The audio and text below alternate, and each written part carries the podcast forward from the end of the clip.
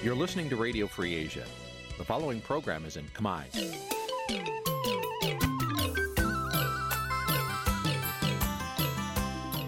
នេះជាកម្មវិធីផ្សាយ Vuthu Azizi Serai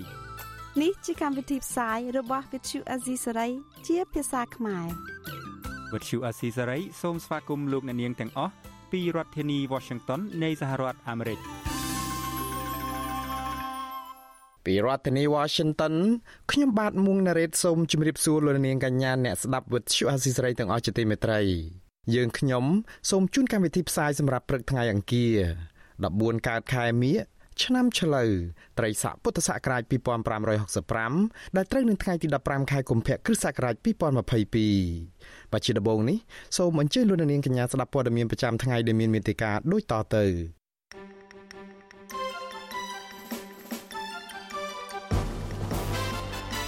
គណៈបកនយោបាយមួយចំនួនបារម្ភថាការបង្កើតច្រកទ្វារអ៊ីនធឺណិតអាចប៉ះពាល់ដល់សេរីភាពបញ្ចេញមតិនៅមុនការបោះឆ្នោត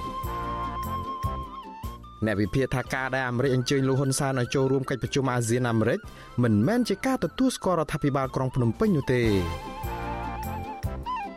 ប្រជាពលរដ្ឋស្នើដល់អាជ្ញាធរជួយថែភ្នំទទឹងខេត្តបាត់ដំបងដែលរងការរំលាយយកថ្ម ករណីឆ្លងមេរោគអូមីក្រុងនៅកម្ពុជាកើនឡើងខ្លាំងគុណនឹង5ដងនៅក្នុងមួយថ្ងៃបើធៀបនឹងសប្តាហ៍មុន រួមនឹងព័ត៌មានផ្សេងៗមួយចំនួនទៀត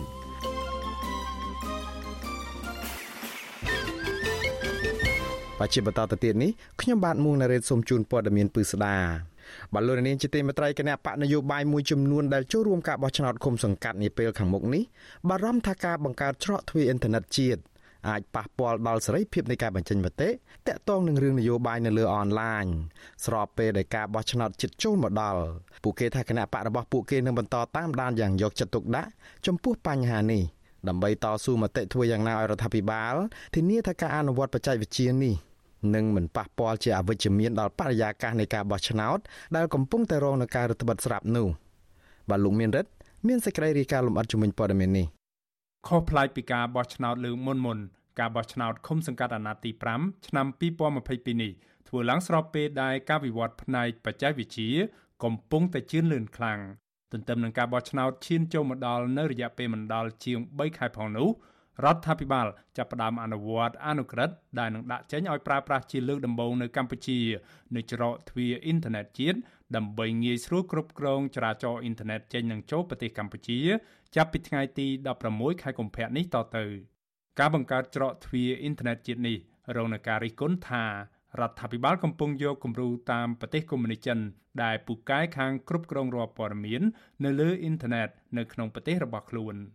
គណៈបណ្ឌនយោបាយមួយចំនួនដែលប្រកាសចូលរួមការបោះឆ្នោតនាពេលខាងមុខនេះ ប្រវិសុយស៊ីស្រីថាពួកគេកំពុងតាមដានយ៉ាងយកចិត្តទុកដាក់ចំពោះបញ្ហានេះ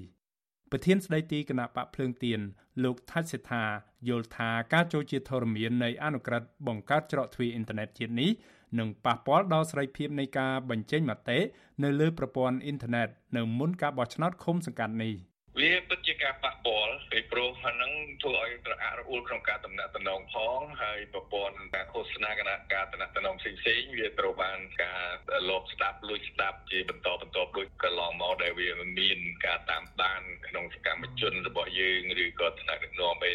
ប្រើប្រាស់ប្រព័ន្ធទូរស័ព្ទនឹងឥឡូវដឹកជៀនឈានដល់អ៊ីនធឺណិតទៀតអានេះគឺកាន់តែធ្ងន់ធ្ងរមែនទែនទៅហើយដោយឡែកសម្រាប់គណៈបកឆន្ទៈខ្មែរវិញ ប្រធានគណៈបកនេះគឺលោកគង់ម៉ូនីកាប្រាវិសុយស៊ីសេរីថាគណៈបកលោកក៏កំពុងតាមដានយ៉ាងយកចិត្តទុកដាក់ចំពោះបញ្ហាអនុវត្តអនុក្រឹត្យថាតើការបង្កើតច្រកទ្វារអ៊ីនធឺណិតជាតិនេះនឹងអាចធ្វើឲ្យប៉ះពាល់ដល់សេរីភាពនៃការបញ្ចេញមតិកម្រិតណា ក៏ប៉ុន្តែលោកថាអ្វីដែលជាការបារម្ភខ្លាំងបំផុតនោះគឺការអនុវត្តសេរីភាពបញ្ចេញមតិជាក់ស្ដែងនៅក្នុងសង្គមដែលកំពុងតែមានការរងនឹងការរឹតបន្តឹងខ្លាំងបើទោះបីជាក្រសួងមហាផ្ទៃបានណែនាំឲ្យអាជ្ញាធរមូលដ្ឋានធានានៅបរិយាកាសល្អនៅមុនការបោះឆ្នោតសម្រាប់គ្រប់គណៈបកនយោបាយទាំងអស់ក៏ដោយ លោកគង់ម៉ូនីកាថាលោកពុំមានទំនុកចិត្តនៅឡើយទេថារដ្ឋាភិបាលអាចធានាបាននូវសិទ្ធិឯកជនភាព និងសេរីភាពនៃការបញ្ចេញមតិនៅលើអនឡាញក្រោយការបង្កើតច្រកទ្វារអ៊ីនធឺណិតជាតិនេះកន្លងមកលោកយុរដ្ឋមន្ត្រីតែងតែលើកឡើងថាគឺថាអាចចំណាយពេលត្រឹមតែ8នាទីទេក្នុងការឈានទៅចាប់ខ្លួនរបស់អ្នកណាមួយតាមរយៈការទទួលបាននៅកិច្ចសន្ទនាឬក៏ផុសតាងជាក់ស្ដែងណាមួយតាមរយៈការជជែកគ្នាតាមទូរស័ព្ទឬក៏អនឡាញហ្នឹង ដូច្នេះហើយខ្ញុំគិតថាវាមិនមានអ្វីដែលគួរឲ្យទុកចិត្តឡើយក្នុងការធានាថាมันមានការជ្រៀតជ្រែកផ្នែកឯកជនភាពរបស់អ្នកនយោបាយឬក៏ដូចជាសកម្មជននយោបាយនោះបាទរីឯសហស្ថាបនិកគណៈបកប្រជាធិបតេយ្យមូលដ្ឋានបណ្ឌិតយ៉ងសង្គមាវិញលោកមានប្រសាសន៍ថាគណៈបករបស់លោកក៏កំពុងតាមដាន និងសិក្សាពីករណីដែលរដ្ឋាភិបាលចាប់ផ្ដើមអនុវត្តបង្កើតឲ្យមានច្រកទ្វារអ៊ីនធឺណិតជាតិនេះលោកថាគណៈបករបស់លោកនឹងតស៊ូមតិជុំវិញករណីនេះ ប្រសិនបើរកឃើញថាពិតជាមានការរឹតបន្តឹងសេរីភាពនៃការបញ្ចេញមតិពាក់ព័ន្ធនឹងរឿងនយោបាយឬបញ្ហាសង្គមនៅលើអ៊ីនធឺណិតមែននោះជារួមការព្រួយបារម្ភយើងជាទំនៀមណាបើឥឡូវយើងនឹងតាមដានតាមមើលសិក្សាបញ្ហានឹងតទៅទៀតនៅពេលចាប់ដើមអនុវត្តចឹងណាហើយបើសិនជាមានផលប៉ះពាល់ច្រើនដល់សេរីភាពនយោបាយសេរីភាពការចេញទៅក៏យើងអត់នៅស្ងៀមដែរយើងនឹងត្រូវតែធ្វើការតស៊ូមតិយើងហ្នឹងបើឥឡូវយើងចាំមើលទីទៀតសិនណា អ្នកសម្របសម្រួលផ្នែកអង្គការនឹងតស៊ូមតិនៃអង្គការ Confrel លោកកុនស្វាង ចង់ឃើញរដ្ឋាភិបាលធានាថាការបង្កើតច្រកទ្វារអ៊ីនធឺណិតជាតិនេះនឹងមិនប៉ះពាល់ដល់សេរីភាពនៃការបញ្ចេញមតិរបស់ពលរដ្ឋទូទៅទាក់ទងនឹងរឿងនយោបាយឬបញ្ហាសង្គមនោះទេ យ៉ាងណាក៏ដោយកុំឲ្យមានការរដ្ឋបិទនៅក្នុងដំណើរការនៃការបញ្ចេញមតិបាទកាលណាគោលដំណើរការនៃបញ្ចេញមតិគឺជាចំណុចមួយនៃគោលការណ៍នៅក្នុងការបោះឆ្នោតអញ្ចឹងបើសិនជាការចេញមតិត្រូវបានរដ្ឋបិទត្រូវបានបាត់មិនឲ្យមានការលើកឡើងមានន័យថាដំណើរការហ្នឹងគោវាមិនល្អសម្រាប់ភាគីពាក់ព័ន្ធក្នុងការប្រកួតប្រជែងដែរព្រោះគេត្រូវការមានមតិត្រូវការមានយោបល់គេត្រូវការទៅជែកឬក៏ការបញ្ចេញទស្សនៈណាមួយមួយនៅលើគោលការណ៍ឬក៏គោលនយោបាយផ្សេងផ្សេងរបស់គណៈបកនយោបាយអ្នកនាំពាក្យគណៈកម្មាធិការជាតិរៀបចំការបោះឆ្នោតលោកហងពធាបដិសេធអត្ថាធិប្បាយលម្អិតជុំវិញកង្វល់ដែលគណៈបញ្ញយោបាយមួយចំនួនបានលើកឡើងពាក់ព័ន្ធទៅនឹងការដាក់ចេញនៅច្រកទ្វារអ៊ីនធឺណិតជាតិនេះលោកអះអាងថាកោចបនឹងបញ្ជាក់ជូននាពេលក្រោយ ពីវិធានការជាក់លាក់ដើម្បីធានាសេរីភាពនៃការបញ្ចេញមតិនៅលើអនឡាញនៅអំឡុងពេលយុទ្ធនាការនៃការឃោសនាបោះឆ្នោតនាពេលខាងមុខខ្ញុំនៅតែចង់ជម្រាបជូនថានៅក្នុងកំឡុងពេលនេះគឺជាសមត្ថកិច្ចរបស់អាជ្ញាធរដែនដីសមត្ថកិច្ចរបស់ស្ថាប័នផ្សេងក៏យោបល់កំពុងបំពេញទូនាទីស្របទៅតាមការទទួលខុសត្រូវរបស់ខ្លួនគឺចាត់ចែងរៀបចំការបោះឆ្នោត ក៏ជាបោះអនុវត្តទៅតាមប្រកបតិនដែលបានគ្រោងទុកមានន័យថាកំឡុងពេលនៃការឃោសនាមានរយៈពេល14ថ្ងៃមុនថ្ងៃបោះឆ្នោតអញ្ចឹងនោះគឺជាសមត្ថកិច្ចក្នុងការទទួលខុសត្រូវដែលកោចបោះត្រូវធ្វើឲ្យបានកាលពីដើមខែកុម្ភៈក្រុមអ្នកជំនាញសិទ្ធិមនុស្សរបស់អង្គការសហប្រជាជាតិបានស្នើឲ្យរដ្ឋាភិបាលផ្អាកការអនុវត្តអនុក្រឹត្យស្តីពីការបង្កើតច្រកទ្វារអ៊ីនធឺណិតជាតិ ដែលពួកគេថាធ្វើឡើងដើម្បីគ្រប់គ្រងការតាមដានទិន្នន័យរបស់អ្នកប្រើប្រាស់នៅលើប្រព័ន្ធអ៊ីនធឺណិតមន្ត្រីជំនាញអង្គការសហជីវជាតិទាំងនោះថាការបង្កើតច្រកទ្វារអ៊ីនធឺណិតជាតិនេះគឺជាការរដ្ឋបិទធ្វើឲ្យប៉ះពាល់ដល់សិទ្ធិឯកជន និងសេរីភាពបែបប្រជាធិបតេយ្យនៅកម្ពុជាក្រុមអ្នកជំនាញសិទ្ធិមនុស្សរបស់អង្គការសហជីវជាតិដដែលព្រមានថាការអនុវត្តអនុក្រឹត្យនេះគឺជាគ្រោះថ្នាក់ ព្រោះរដ្ឋាភិបាលអាចតាមដានសកម្មភាពនៅលើប្រព័ន្ធអ៊ីនធឺណិតស្កាត់ចាប់យក និងត្រួតពិនិត្យការប្រស្រ័យទាក់ទងតាមប្រព័ន្ធបច្ចេកវិទ្យាខ្ញុំបាទមេរិត Visual C ស្រីរាយការណ៍ពីរដ្ឋធានី Washington បាទលោកនាងជាទីមេត្រីលោកនាងកំពុងតែស្ដាប់ការផ្សាយរបស់វិទ្យុអាស៊ីសេរីដែលផ្សាយចេញពីរដ្ឋធានី Washington សហរដ្ឋអាមេរិកលោកនាងក៏អាចស្ដាប់ការផ្សាយរបស់វិទ្យុអាស៊ីសេរីដំណើរគ្នាទៅនឹងការផ្សាយតាមបណ្ដាញសង្គម Facebook និង YouTube នេះ តាមរយៈរលកធារកាសខ្លីឬក៏ Short Wave ពេលព្រឹកចាប់ពីម៉ោង5កន្លះដល់ម៉ោង6កន្លះតាមរយៈរលកធារកាសខ្លី9390 kHz ស្មើនឹងកម្ពស់ 32m និង11850 kHz ស្មើនឹងកម្ពស់ 25m ពេលយប់ចាប់ពីម៉ោង7កន្លះដល់ម៉ោង8កន្លះតាមរយៈរលកធារកាសខ្លី9390 kHz ស្មើនឹងកម្ពស់ 32m និង15155 kHz ស្មើនឹងកម្ពស់ 20m បាទសូមអរគុណ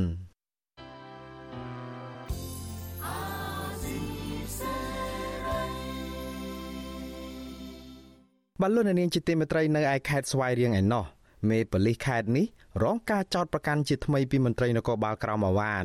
រឿងប្រព្រឹត្តអំពើពុករលួយនិងភាពមិនប្រក្រតីច្រើនទៀត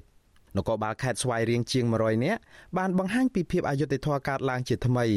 តែកតិននឹងករណីស្នងការខេត្តនេះគឺលោកកឹងខនថាបានប្រើអំណាចកាត់ប្រាក់ខែមន្ត្រីថ្នាក់ក្រោមរាប់រយនាក់សម្រាប់ជូនគណៈបកប្រជាជនកម្ពុជា ដើម្បីធ្វើយុទ្ធនាការឃោសនាបោះឆ្នោតជ្រើសរើសសមាជិកក្រុមប្រឹក្សាគុំសង្កាត់នគរបាលជាច្រើនអ្នកបានសរសេរបណ្ដឹងអាណាមឹករួមគ្នាជាថ្មីទៀតស្នើឲ្យក្រសួងមហាផ្ទៃនិងស្ថាប័នពាក់ព័ន្ធស៊ើបអង្កេតអំពើពុករលួយនេះជាបន្ទាន់ នគរបាលខេត្តស្វាយរៀងជាង150នាក់បានសរសេរលិខិតអាណាមឹកពីទំព័រជាថ្មីម្ដងទៀតដោយបង្ហាញអំពីការកាត់ទុកមិនសុខចិត្តចំពោះស្នងការខេត្តស្វាយរៀងលោកកឹងខននោះដែលបានបញ្ជាឲ្យស្នងការរងកាត់ប្រាក់ខែមន្ត្រីថ្នាក់ក្រោមជិត400នាក់ដោយម្នាក់ម្នាក់ចាប់ពី2សែនរៀលរហូតដល់4លានរៀលខ្លឹមសារលិខិតដែលវិទ្យុអាស៊ីសេរីទទួលបានបន្ថែមថាស្នងការរូបនេះបានបញ្ជាឲ្យស្នងការរងម្នាក់និងប្រធានវរៈ2នាក់ ធ្វើឯកសារចងជើង បង្គាប់ឲ្យផ្តិតមេដាយយល់ព្រមកាត់លុយជូនគណៈបកកណ្ដាលអំណាចដោយមិនឲ្យតវ៉ាអ្វីទាំងអស់ប្រការនេះធ្វើឲ្យប៉ះពាល់ដល់ជីវភាពរបស់នគរបាលដែលរស់នៅពឹងលើប្រាក់ខែចិញ្ចឹមគ្រួសារនគរបាលខេត្តស្វាយរៀងម្នាក់ថ្លែងសុំមិនបញ្ចេញឈ្មោះនឹងសម្លេងព្រោះបារម្ភពីសុវត្ថិភាព ត្អូញត្អែថាប្រសិនបើក្រសួងមហាផ្ទៃនិងរដ្ឋាភិបាលមិនដោះស្រាយបណ្ដឹងរបស់ពួកគាត់នោះអំពើពុករលួយនឹងដោះស្លែបពពួកនិយមនិងការគៀបសង្កត់នគរបាលថ្នាក់ក្រោមក្រោមបែបនេះនឹងនៅតែបន្តកើតមាន ដែលធ្វើឲ្យប៉ះពាល់ដល់សង្គមជាតិនិងជីវភាពនគរបាលលោកថាមានភាពមិនប្រក្រតីជាច្រើន នៅក្នុងពេលដែលស្នងការរូបនេះ កាន់តំណែងជាង10ឆ្នាំកន្លងទៅរួមមានការគៀបសង្កត់ធ្វើបាបកូនចៅថ្នាក់ក្រោមដោយខົບខិតគ្នាជាមួយស្នងការរងផ្លាស់ប្ដូរទួនាទីនគរបាលតាមតែអំពើចិត្តនិងបញ្ជូនបងប្អូនសាច់ញាតិធ្វើការនៅកន្លែងធំធំជាដើមខ្លឹមសារពាក្យបណ្ដឹងបន្ថែមថាការឡើងឋានន្តរស័ក្តិជូននគរបាលគឺទាល់តែត្រូវបង់ប្រាក់ជាធ្នូ រីឯនគរបាលជាច្រើនអ្នកដែលដល់អាយុចូលនិវត្តន៍ក៏ស្នងការរូបនេះបានខົບខិតគ្នាពន្យាឆ្នាំចូលនិវត្តន៍ដែរដើម្បីជាធ្នូទទួលបានផលប្រយោជន៍មន្ត្រីប៉ូលីសទាំងនោះបានថ្លែងនៅក្នុងលិខិតទៀតថានគរបាលស្ទើរតែទាំងអស់អស់ជំនឿចិត្តទៅលើការដឹកនាំរបស់ស្នងការរូបនេះជាយូរមកហើយពួកគេសំណូមពរឲ្យអគ្គស្នងការនគរបាលជាតិលោកណេតសាវឿនរដ្ឋមន្ត្រីក្រសួងទំនាក់ទំនងរដ្ឋសភាព្រឹទ្ធសភានិងអធិការកិច្ចអ្នកស្រីម៉ែនសំអននិងរដ្ឋមន្ត្រីក្រសួងមហាផ្ទៃលោកសខេង រកយុត្តិធម៌ជូនពួកគាត់ដោយផ្លាស់ប្តូរស្នងការរូបនេះចេញជាបន្ទាន់វិទ្យុអាស៊ីសេរីបានព្យាយាមតាក់ទងស្នងការខេត្តស្វាយរៀងលោកកឹងខនជាច្រើនដងដើម្បីសុំការបំភ្លឺជំវិញការចោទប្រកាន់នេះក៏ប៉ុន្តែពុំមានអ្នកលើកទូរស័ព្ទរីឯអ្នកនាំពាក្យស្នងការនគរបាលជាតិលោកឆាយគឹមខឿនក៏វិទ្យុអាស៊ីសេរីមិនអាចសុំការបំភ្លឺពីលោកបានដែរដោយទូរស័ព្ទហៅចូលច្រើនដងតែគ្មានអ្នកលើកដែរ។ ក៏ប៉ុន្តែអ្នកនាំពាក្យគណៈបកប្រជាជនកម្ពុជាលោកសុកអេសាន មានប្រសាសន៍ថាលក្ខន្តិកៈគណៈបកប្រជាជនកម្ពុជាពុំមានគោលការណ៍ណាមួយតម្រូវឲ្យកាត់ប្រាក់ខែមន្ត្រីរាជការនិងនគរបាលយ៉ាងច្រើនដូចនេះនោះទេលោកបញ្ជាក់ថាប្រសិនបើមានតម្រូវការកាត់ប្រាក់ខែនគរបាលដូចនេះនោះគឺជាការឃោសនាមិនត្រឹមត្រូវគ្រាន់តែបង្ខូចឈ្មោះគណៈបកប្រជាជនកម្ពុជាតែប៉ុណ្ណោះ។ ជំវិញរឿងនេះមន្ត្រីនាំពាក្យសមាគមការពារសិទ្ធិមនុស្សអាត60លោកសឹងសានករណាពន្យល់ថាការផ្ដល់លុយទៅគណៈបកនយោបាយណាមួយត្រូវធ្វើឡើងដោយការស្ម័គ្រចិត្តតែប្រសិនបើមានការបង្ខិតបង្ខំវាជារឿងមិនត្រឹមត្រូវនឹងផ្ទុយពីច្បាប់លោកថាក្រសួងមហាផ្ទៃនិងរដ្ឋាភិបាលគប្បីចុះស្រាវជ្រាវរឿងនេះឲ្យបានច្បាស់លាស់មិនគួរទុកចោលនាំឲ្យកើតមានរឿងអយុត្តិធម៌ប៉ះពាល់ដល់មន្ត្រីនគរបាលជះឥទ្ធិពលមិនល្អដល់សង្គមជាតិនោះទេ បន្ទាប់ពីមានការបើកការស៊ើបអង្កេតមួយបានត្រឹមត្រូវច្បាស់លាស់ហើយគួរតែមានវិធានការទៅលើបុគ្គលដែលប្រព្រឹត្តខុសច្បាប់នឹងហើយបើសិនជាពិនិត្យមើលឃើញថាអ្នកទាំងអស់នឹងទោះបីក្នុងទួនាទីណាមួយក៏ដោយគួរតែមានចំណាត់ការអាចថាមានការដាក់ពិន័យរដ្ឋបាលឬក៏បើរកឃើញថាវាជាបទល្មើសព្រហ្មទណ្ឌដែលផ្ទុយពីផ្លូវច្បាប់ប្រការណាមួយនោះត្រូវតែផ្ដន់ទាទោស កាលពីដើមឆ្នាំ2019នគរបាលខេត្តស្វាយរៀងជិត60នាក់ក៏ធ្លាប់បានចុះហត្ថលេខាលើលិខិតអនាមិកប្តឹងស្នងការខេត្តស្វាយរៀងលោកកឹងខនដែរដោយចោទថាបានប្រព្រឹត្តអំពើពុករលួយ និងបានប្រើអំណាចគំរាមកំហែងជេរប្រមាថមន្ត្រីថ្នាក់ក្រោមរបស់ខ្លួនលើសពីនេះទៅទៀតលិខិតអនាមិកនោះបន្ថែមថាលោកកឹងខនមានលុយរាប់សិបលានដុល្លារនិងទ្រព្យសម្បត្តិមិនប្រក្រតីដោយសារតែអំពើពុករលួយជាច្រើនឆ្នាំមកហើយក៏ប៉ុន្តែមកទល់ពេលនេះក្រសួងមហាផ្ទៃនិងរដ្ឋាភិបាល នៅមិនទាន់ជួយរកយុត្តិធម៌ឲ្យមន្ត្រីនគរបាលទាំងនោះនៅឡើយទេឆ្លើយតបទៅនឹងបញ្ហានេះអ្នកនាំពាក្យអគ្គស្នងការនគរបាលជាតិលោកឆាយកឹមខឿនធ្លាប់បកស្រាយថាអគ្គស្នងការដ្ឋាននគរបាលជាតិបានបញ្ជូនមន្ត្រីជំនាញ3អង្គភាពឲ្យចោះទៅស៊ើបអង្កេតករណីនេះ3ដងរួចមកហើយរកមិនឃើញកំហុសដោយការចោទប្រកាន់នោះទេលោកចាត់ទុកមិនដឹងនេះថាជាការចោទប្រកាន់ដោយគ្មានមូលដ្ឋាន កាលពីឆ្នាំ2020នគរបាលខេត្តស្វាយរៀងរាប់រយនាក់បានសរសេរលិខិតអាណាមឹកជាលើកទី2ចោទថាលោកកឹងខនបានប្រព្រឹត្តអំពើពុករលួយដល់ឆ្អឹងដឹកនាំបែបផ្ដាច់ការនិងបកពួកនិយមជាដើមលើសពីនេះទៅទៀតស្នងការរូបនេះបានប្រើអំណាចបញ្ជូនសាច់ញាតិបងប្អូនឲ្យទៅគ្រប់គ្រងតាមច្រករបៀងព្រំដែនដើម្បីប្រមូលលុយពីជនជាតិវៀតណាមរាប់ម៉ឺននាក់ ដែលចូលដីខ្មែរដោយសេរីដោយគ្រាន់តែបង់លុយ1សែនដុងឬក៏ស្មើ5ដុល្លារសម្រាប់ជនជាតិវៀតណាមម្នាក់ម្នាក់ទន្ទឹមនឹងនេះមានរឿងអយុត្តិធម៌ជាច្រើន បានកើតមានឡើងជាច្រើនឆ្នាំមកហើយដោយគ្មានស្ថាប័នរដ្ឋាភិបាលណាដោះស្រាយនោះទេបើទោះបីជាពួកគេមានភ័ស្តុតាងច្បាស់លាស់យ៉ាងណាក្តី។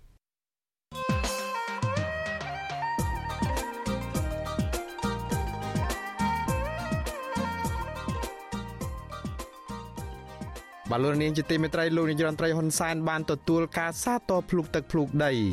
ពីប្រព័ន្ធឃោសនារបស់លោក ថាបានលើកមុខមាត់កម្ពុជាដោយទទួលបានពានរង្វាន់សន្តិភាពពីអង្គការសាសនារបស់ប្តីប្រពន្ធជនជាតិកូរ៉េ2នាក់ដែលមានឈ្មោះមិនល្អពានរង្វាន់ដែលលោកហ៊ុនសែនទទួលបាននោះមិនមែនជាពានរង្វាន់ Nobel សន្តិភាពដ៏មានគេឈ្មោះល្បីល្បាញនោះទេលោកអ្នកនាងប្រកាសជាកំពុងតែមានចម្ងល់ថាតើអ្វីទៅជាពានរង្វាន់ Nobel សន្តិភាពពិភពលោក តើហេតុអ្វីបានជាលោកនាយរដ្ឋមន្ត្រីហ៊ុនសែនមិនទទួលបានពានរង្វាន់ Nobel សន្តិភាពនេះតែទទួលបានពានរង្វាន់ពីអង្គការឯកជនទៅវិញសូមលោកនាងរងចាំតាមដានស្ដាប់កិច្ចពិភាក្សាអំពីរឿងនេះនៅក្នុងនីតិវេទិកាអ្នកស្ដាប់វិទ្យុអាស៊ីសេរីនៅយប់ថ្ងៃអង្គារនេះ ប្រសិនបើលោកអ្នកនាងមានសំណួរចង់សួរទៅភ្ញៀវរបស់យើងដោយផ្ទាល់ឬចង់បញ្ចេញមតិយោបល់លោកអ្នកនាងអាចដាក់លេខទូរស័ព្ទរបស់លោកអ្នកនាងនៅក្នុងខ្ទង់ comment ឬប្រអប់ផ្ញើសារ Messenger Facebook និង YouTube របស់ Vuthu Azisari ដែលកំពុងតែផ្សាយផ្ទាល់នៅពេលនេះក្រុមការងាររបស់យើងនឹងហៅទៅលោកអ្នកនាងវិញសូមអរគុណបលូននាងជាទីមេត្រីនៅឯខេត្តបន្ទាយមានជ័យឯណោះវិញមន្ត្រីអង្គការសង្គមស៊ីវិលស្នើឲ្យមន្ត្រីសាលាដំបងខេត្តនេះ ចាត់វិធានការទៅលើអភិបាលស្រុកម្នាក់និងមន្ត្រីមួយចំនួនទៀតដែលបានទន្ទ្រានដីព្រៃលិចទឹកនៅតំបន់បឹងទន្លេសាបនៅក្នុងខេត្តនេះមកផ្ដន់ទាទោសឲ្យបានធ្ងន់ធ្ងរតាមច្បាប់សំណើរបស់អង្គការសង្គមស៊ីវិលនេះធ្វើឡើងក្រោយពេលដែលតុលាការខេត្តបន្ទាយមានជ័យបានអញ្ជើញអភិបាលស្រុកបណេតព្រះនិងមេឃុំម្នាក់ទៅសាកសួរអំពីការទន្ទ្រានព្រៃលិចទឹកនៅខេត្តមីនីខាងមុខលោកទីនសាករិយាមានសេចក្តីរាយការណ៍ជុំវិញរឿងនេះមន្ត្រីសង្គមស៊ីវិលព្រួយបារម្ភខ្លាចអភិបាលស្រុកនិងមន្ត្រីខិលខូចដែលបានប្រព្រឹត្តខុសច្បាប់ទាំងនោះ ស្ថិតនៅក្រៅសំណាញ់ច្បាប់ដោយមេទាហានផ្កាយ2ម្នាក់នៅខេត្តបន្ទាយមានជ័យទៀតដែលបានទន្ទ្រានព្រៃលិចទឹកអស់រាប់រយហិកតាដោយគ្មានអាជ្ញាធរណាហ៊ានចាត់វិធានការតាមផ្លូវច្បាប់ឡើយមន្ត្រីសម្របសម្រួលសមាគមការពារសិទ្ធិមនុស្សអាត6ខេត្តបន្ទាយមានជ័យលោកសុំច័ន្ទគាប្រាប់វិទ្យុអាស៊ីសេរីនៅថ្ងៃទី14កុម្ភៈថាមន្ត្រីទាំងឡាយដែលបានប្រព្រឹត្តបទល្មើសព្រហ្មទណ្ឌដោយសារបានឈូសឆាយនឹងកាន់កាប់ដីព្រៃលិចទឹកនៅតំបន់បឹងទន្លេសាបត្រូវតែទទួលទោសតាមផ្លូវច្បាប់ដោយមិនអាចលើកលែងទោសបានឡើយ។ លោកសុំច័ន្ទគៀស្នើឲ្យតុលាការខេត្តបន្ទាយមានជ័យចាត់វិធានការឲ្យបានធ្ងន់ធ្ងរទៅលើអភិបាលស្រុកប្រណិតព្រះនិងមន្ត្រីពាក់ព័ន្ធមួយចំនួនដែលបានទន្ទ្រានដីព្រៃលិចទឹកនៅតំបន់3ក្នុងឃុំប្រាសាទស្រុកប្រណិតព្រះធ្វើជាកម្មសិទ្ធិផ្ទាល់ខ្លួន។ព្រោះថាគាត់អង្គុយកៅអីរដ្ឋដែលរដ្ឋាភិបាលបានតែងតាំងឲ្យជួយមើលការខុសត្រូវដោះស្រាយបញ្ហាជូនរាជជួយថែរក្សានៅទ្រព្យសម្បត្តិរបស់រដ្ឋ បែរទៅជាមើលទៅទ្រព្យសម្បត្តិរបស់រដ្ឋនៅគេគេខ្លួនតំណងមានតម្លៃបែរទៅជាគាត់នាំគ្នាប្រព្រឹត្តអញ្ចឹងអានឹងហើយដែលគាត់ត្រូវតែទទួលលើទូទាត់ទី2សិទ្ធិស្មើគ្នាចំពោះមុខច្បាប់អញ្ចឹងអ្នកដែលត្រូវបានប្រព្រឹត្តបទល្មើសណាមួយត្រូវទទួលនៅទូទាត់ស្មើគ្នាដែរមិនត្រីធំមានអំណាចមានបនស័កមានអីប្រព្រឹត្តហើយបែរទៅរួចខ្លួនហើយប្រជាពលរដ្ឋតូចតាចបែរទៅជាប់គុកអញ្ចឹងច្បាប់ហ្នឹងជាច្បាប់មួយស្តង់ដារពីរឯង សំណើរបស់មន្ត្រីសង្គមស៊ីវិលនេះធ្វើឡើងក្រោយពេលព្រះអាញាអមសានបងខេត្តបន្ទាយមានជ័យលោកកើតវណ្ណរ៉េតបានអញ្ជើញអភិបាលស្រុកប្រណិតព្រះលោកខូពៅនិងមេឃុំប្រាសាទលោកមាសហឹកព្រមទាំងអ្នកពាក់ព័ន្ធមួយចំនួនទៀតទៅសាកសួរនៅថ្ងៃទី3និងថ្ងៃទី21មីនាខាងមុខពាក់ព័ន្ធនឹងការកាប់រៀនទន្ទ្រានព្រៃលិចទឹក នៅតំបន់3ក្នុងស្រុកប្រណិតព្រះ ជាង600ហិកតាចន្លោះពីឆ្នាំ2017ដល់ឆ្នាំ2021 វិទ្យុអាស៊ីសេរីមិនអាចតាក់ទងអ្នកនាំពាក្យសាលាដំបងខេត្តបន្ទាយមានជ័យលោករឿនលីណាដើម្បីសូមអធិប្បាយជំវិញនឹងបញ្ហានេះបានទេនៅថ្ងៃទី14កុម្ភៈចំណែកអភិបាលស្រុកប្រណិតព្រះលោកខូពៅក៏មិនអាចសុំការឆ្លើយតបចំពោះការចាប់ប្រកាន់នេះបានដែរដោយលោកប្រាប់ថាជាប់រវល់ប៉ុន្តែមេឃុំប្រាសាទស្រុកប្រណិតព្រះលោកមាសហឹកប្រាប់វិទ្យុអាស៊ីសេរីថាលោកនឹងចូលទៅបំភ្លឺតុលាការតាមការកំណត់ដោយមិនរុញរាឡើយព្រោះលោកអះអាងថាលោកគ្រាន់តែជាមេឃុំគ្រប់គ្រងនៅតំបន់នោះ ដោយមិនបានទន្ទ្រានដីព្រៃធ្វើជាកម្មសិទ្ធិនោះទេលោកបន្តថាដីព្រៃលិចទឹកដែលមានបញ្ហានៅឃុំដែលលោកគ្រប់គ្រងនោះមានផ្ទៃដីជាង600ហិកតាត្រូវបានប្រជាពលរដ្ឋជាង100គ្រួសារកັບឆ្ការយកដីធ្វើស្រែចន្លោះពីឆ្នាំ2019ដល់ឆ្នាំ2021គឺពុំមានពាក្យព័ន្ធនឹងអាជ្ញាធរឡើយ។ យើងទៅបំភ្លឺយើងមិនមានអ្នកកັບមិនធានទេណាព្រោះខ្ញុំមិនដែលបានទៅជួបឆាយទៅកັບធានមានប្រជាពលរដ្ឋមួយចំនួនដែលគាត់ទៅពាក់ព័ន្ធក៏ប៉ុន្តែគាត់បានសារភាពហើយក៏បានប្រគល់ជារដ្ឋវិញអស់ហើយគឺការបដិមេដៃចំពោះមុខក្រុមការងារស្រុកដែលគាត់ចុះទៅនៅជួយជើងនៅវត្តបាត់ត្រង់មានប៉ូលីស PM ហើយខាងក្រុមការងារស្រុកផងគាត់ទៅសារភាពឲ្យអស់ហើយ មេឃុំរូបនេះបន្ថែមថាបច្ចុប្បន្នអាជ្ញាធរខេត្តបានដកហូតដីព្រៃទាំងនោះជាសម្បត្តិរដ្ឋវិញហើយប៉ុន្តែមិនទាន់ចាត់វិធានការផ្លូវច្បាប់ទៅលើប្រជាពលរដ្ឋនិងអ្នកពាក់ព័ន្ធនៅឡើយទេទោះជាយ៉ាងណាមន្ត្រីសង្គមស៊ីវិលលោកសុំច័ន្ទគាសង្កេតឃើញថាការទន្ទ្រានព្រៃលិចទឹកទាំងនោះអាចមានពាក់ព័ន្ធនឹងអាជ្ញាធរមូលដ្ឋាននិងមន្ត្រីមានអំណាចមួយចំនួនទៀតដែលតុលាការត្រូវតែស៊ើបអង្កេតនិងរកមកជនប្រព្រឹត្តយកមកផ្ដន្ទាទោសតាមផ្លូវច្បាប់ឲ្យបានឆាប់ គាត់មិនអាចថាទេអានឹងឯងខ្ញុំលួចមែនប៉ុន្តែឥឡូវខ្ញុំយកឲ្យវិញណាខ្ញុំរួចទោសរួចបីវាអត់ទេណាវាមិនអាចរួចផុតអំពីទោសទេអញ្ចឹងគាត់ត្រូវតែទទួលទោសប៉ុន្តែដោយសារតែនៅក្នុងនឹងអ្នកដែលទូនាទីដើមបដងតំណាងឲ្យរដ្ឋតំណាងឲ្យរដ្ឋអញ្ចឹងបើរដ្ឋចង់ចោតចោតដែរបើរដ្ឋមិនចង់ចោតចប់អញ្ចឹងបាទវារួចខ្លួនអញ្ចឹងគេហៅថាមានការសម្រុះសម្រួលអំពីរដ្ឋហ្នឹងគឺធ្វើឲ្យអភិគីអ្នកដែលជនប្រព្រឹត្តហ្នឹងបើរដ្ឋថៃអានឹងឲ្យរួចខ្លួនទៅគឺរួចខ្លួន កន្លងមកគណៈកម្មការអន្តរក្រសួងបានចុះស្រាវជ្រាវបារកឃើញថាមន្ត្រីយោធាផ្កាយ2ម្នាក់ឈ្មោះភ្លុនតារា មានតួនាទីជាមេបញ្ជាការរងយកភូមិភាគទី5បានទន្ទ្រានដីព្រៃលិចទឹកនៅតំបន់បឹងទន្លេសាបដែលខុសច្បាប់អស់600ហិកតានៅក្នុងតំបន់3ខេត្តបន្ទាយមានជ័យប៉ុន្តែកាសែតក្នុងស្រុកបានចុះផ្សាយថាមន្ត្រីយោធារូបនេះបានឆ្លើយបំភ្លឺនៅចំពោះមុខគណៈកម្មការជំនាញថាខ្លួនមានដីព្រៃលិចទឹកត្រឹម100ហិកតាតែប៉ុណ្ណោះរហូតមកទល់ពេលនេះ អាជ្ញាធរមិនបានចាប់មេតាហានផ្កាយពីររូបនេះមកផ្ដន្ទាទោសតាមផ្លូវច្បាប់នៅឡើយទេមន្ត្រីសង្គមស៊ីវិលជឿជាក់ថាប្រសិនបើតឡាការនៅតែសុំក្រឡុំជាមួយជនប្រព្រឹត្តដោយមិនបានចាត់វិធានការទៅលើអ្នកទាំងនោះឲ្យបានធ្ងន់ធ្ងរតាមផ្លូវច្បាប់ដោយសពថ្ងៃនេះទេនឹងធ្វើឲ្យមន្ត្រីមានអំណាចដ៏ខិលខូចមួយចំនួនចេះតែនាំគ្នាដើរទន្ទ្រានដីព្រៃយកធ្វើជាដីកម្មសិទ្ធិតាមអំពើចិត្តបន្តទៀតដោយមិនខ្លាចរអាច្បាប់ឡើយខ្ញុំទីនសាការីយ៉ាអាស៊ីសេរីប្រធានីវ៉ាស៊ីនតោន បាទលោកនាងជាទីមេត្រីនៅឯខេត្តបាត់ដំបងឯណោះប្រជាពលរដ្ឋកំពុងតែព្រួយបារម្ភរឿងខ្លាចបាត់ភ្នំដែលជាអត្តសញ្ញាណភូមិកំណើតអ្នកស្រុកបាណន់តើហេតុអ្វីបានជាប្រជាពលរដ្ឋព្រួយបារម្ភរឿងនេះសូមលោកនាងរងចាំស្ដាប់សេចក្តីរាយការណ៍ពិស្ដារជុំរឿងនេះនៅក្នុងការផ្សាយរបស់យើងនាពេលបន្តិចទៀតនេះបាទសូមអរគុណ បលូននាងជាទីមេត្រីងាកមកព័ត៌មានពាក់ព័ន្ធនឹងស្ថានភាពជំងឺ Covid-19 នៅកម្ពុជាឯណោះវិញករណីឆ្លងមេរោគអូមីក្រុងបានកើនឡើង5ដងនៅក្នុងមួយថ្ងៃបើប្រៀបធៀបទៅនឹងចំនួនអ្នកឆ្លងកាលពីសប្តាហ៍មុនក្រសួងសុខាភិបាលកាលពីថ្ងៃទី14ខែកុម្ភៈបានរកឃើញអ្នកឆ្លងជំងឺ Covid-19 ជាង500ករណីថ្មីទៀតដែលសុទ្ធតែជាមេរោគអូមីក្រុងក្នុង16នាក់ជាករណីនាំចូលនិង496នាក់ទៀតគឺជាករណីឆ្លងនៅក្នុងសហគមន៍ តួលេខនេះបង្ហាញថាករណីឆ្លងជំងឺ Covid-19 កំពុងតែចាប់ផ្ដើមហក់ឡើងវិញជាបន្តបន្ទាប់រយៈពេលប្រមាណថ្ងៃចុងក្រោយនេះដោយក្នុងមួយថ្ងៃកើនឡើងជាង100នាក់ជាប្រចាំនិងកើនឡើងគុណនឹង5ដង កាលពីថ្ងៃម្សិលមិញបើធៀបទៅនឹងតួលេខអ្នកឆ្លងជំងឺនេះកាលពីសប្តាហ៍មុននេះគឺជាលទ្ធផលដែលបញ្ជាក់ដោយម៉ាស៊ីនពិសោធន៍ PCR ការកើនឡើងខ្ពស់នេះធ្វើឲ្យករណីអ្នកឆ្លងមេរោគអូមីក្រុងកើនឡើងដល់ជិត3500នាក់ដែលនៅក្នុងនោះជិត2900នាក់គឺជាអ្នកឆ្លងនៅក្នុងសហគមន៍គិតមកត្រឹមថ្ងៃទី14ខែកុម្ភៈម្សិលមិញនោះដែរកម្ពុជាមានអ្នកកើតជំងឺ Covid-19 ជិត124,000នាក់នៅក្នុងនោះអ្នកជាសះស្បើយមានជិត120,000នាក់និងស្លាប់មានចំនួន3015នាក់ ក្រសួងសុខាភិបាលប្រកាសថាគិតមកត្រឹមថ្ងៃទី13ខែកុម្ភៈម្សិលមិញរដ្ឋាភិបាលចាក់វ៉ាក់សាំងគ្រប់ដូសជូនប្រជាពលរដ្ឋបានជាង13លាន7សែននាក់នៅក្នុងចំណោមប្រជាពលរដ្ឋដែលត្រូវចាក់វ៉ាក់សាំង14លាននាក់ដែលរាប់ពីកុមារអាយុចាប់ពី5ឆ្នាំរហូតដល់មនុស្សពេញវ័យរីឯដូសជំរុញទី3និងទី4វិញរដ្ឋាភិបាលចាក់ជូនប្រជាពលរដ្ឋបានសរុបជាង6លាន6សែននាក់